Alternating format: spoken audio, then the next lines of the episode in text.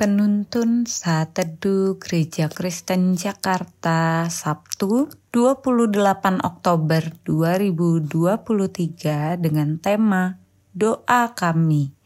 Firman Tuhan terambil dari Efesus 6 ayat 18 sampai 20 berkata demikian.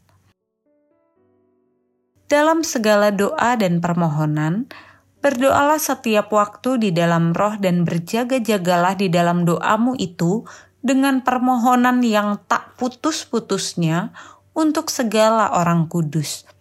Juga untuk aku, supaya kepadaku, jika aku membuka mulutku, dikaruniakan perkataan yang benar, agar dengan keberanian aku memberitakan rahasia Injil yang kulayani sebagai utusan yang dipenjarakan. Berdoalah supaya dengan keberanian aku menyatakan sebagaimana seharusnya aku berbicara. Saya tidak yakin bisa memahami besarnya dampak doa bagi kehidupan orang lain atau dampak doa mereka bagi kita. Tetapi saya percaya banyak hal dari hidup kita adalah hasil doa, khususnya doa para misionaris atau nenek moyang kita. Saya pernah bertemu dengan seorang wanita misionaris dari Amerika. Wanita ini sudah 13 tahun mendoakan saudara kita yang tinggal di Bali. Dengan tekun berdoa ia memohon keselamatan jiwa bagi saudara-saudara kita di Bali. Hasilnya, 13 orang dimenangkan bagi Kristus. Sungguh besar kuasa doa.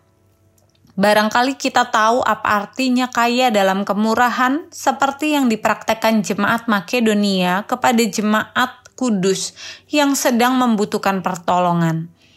Banyak pilihan yang dapat dilakukan untuk menolong. Salah satunya adalah melalui doa. Berkenaan dengan topik mendoakan orang lain, Rasul Paulus pernah meminta jemaat Efesus untuk mendoakan orang kudus dan mendoakan dirinya sendiri. Dukungan doa bagi para pemberita Injil sangat besar dampaknya, bahkan merupakan sebuah kehormatan bagi kita sebagai anggota dari tubuh Kristus untuk berpartisipasi dalam pelayanan doa. Tuhan Yesus sendiri telah memberikan teladan akan hal ini Bahkan hingga saat ini ia terus berdoa bagi kita. Jika demikian, adakah kita mempunyai waktu untuk mendoakan orang-orang di sekitar kita? Marilah kita menyatakan kemurahan hati seperti jemaat Makedonia yang memberi perhatian kepada jiwa-jiwa melalui doa. Hal ini akan melatih kita untuk tidak hanya fokus berdoa pada diri sendiri, akan tetapi kepada orang lain di sekeliling kita. Kiranya Tuhan menolong kita untuk menjadi agen-agen kemurahan Kristus. Amin. Doa bagi sesama adalah sebuah pemberian yang sama berartinya jika kita terkendala memberikan dukungan dalam materi.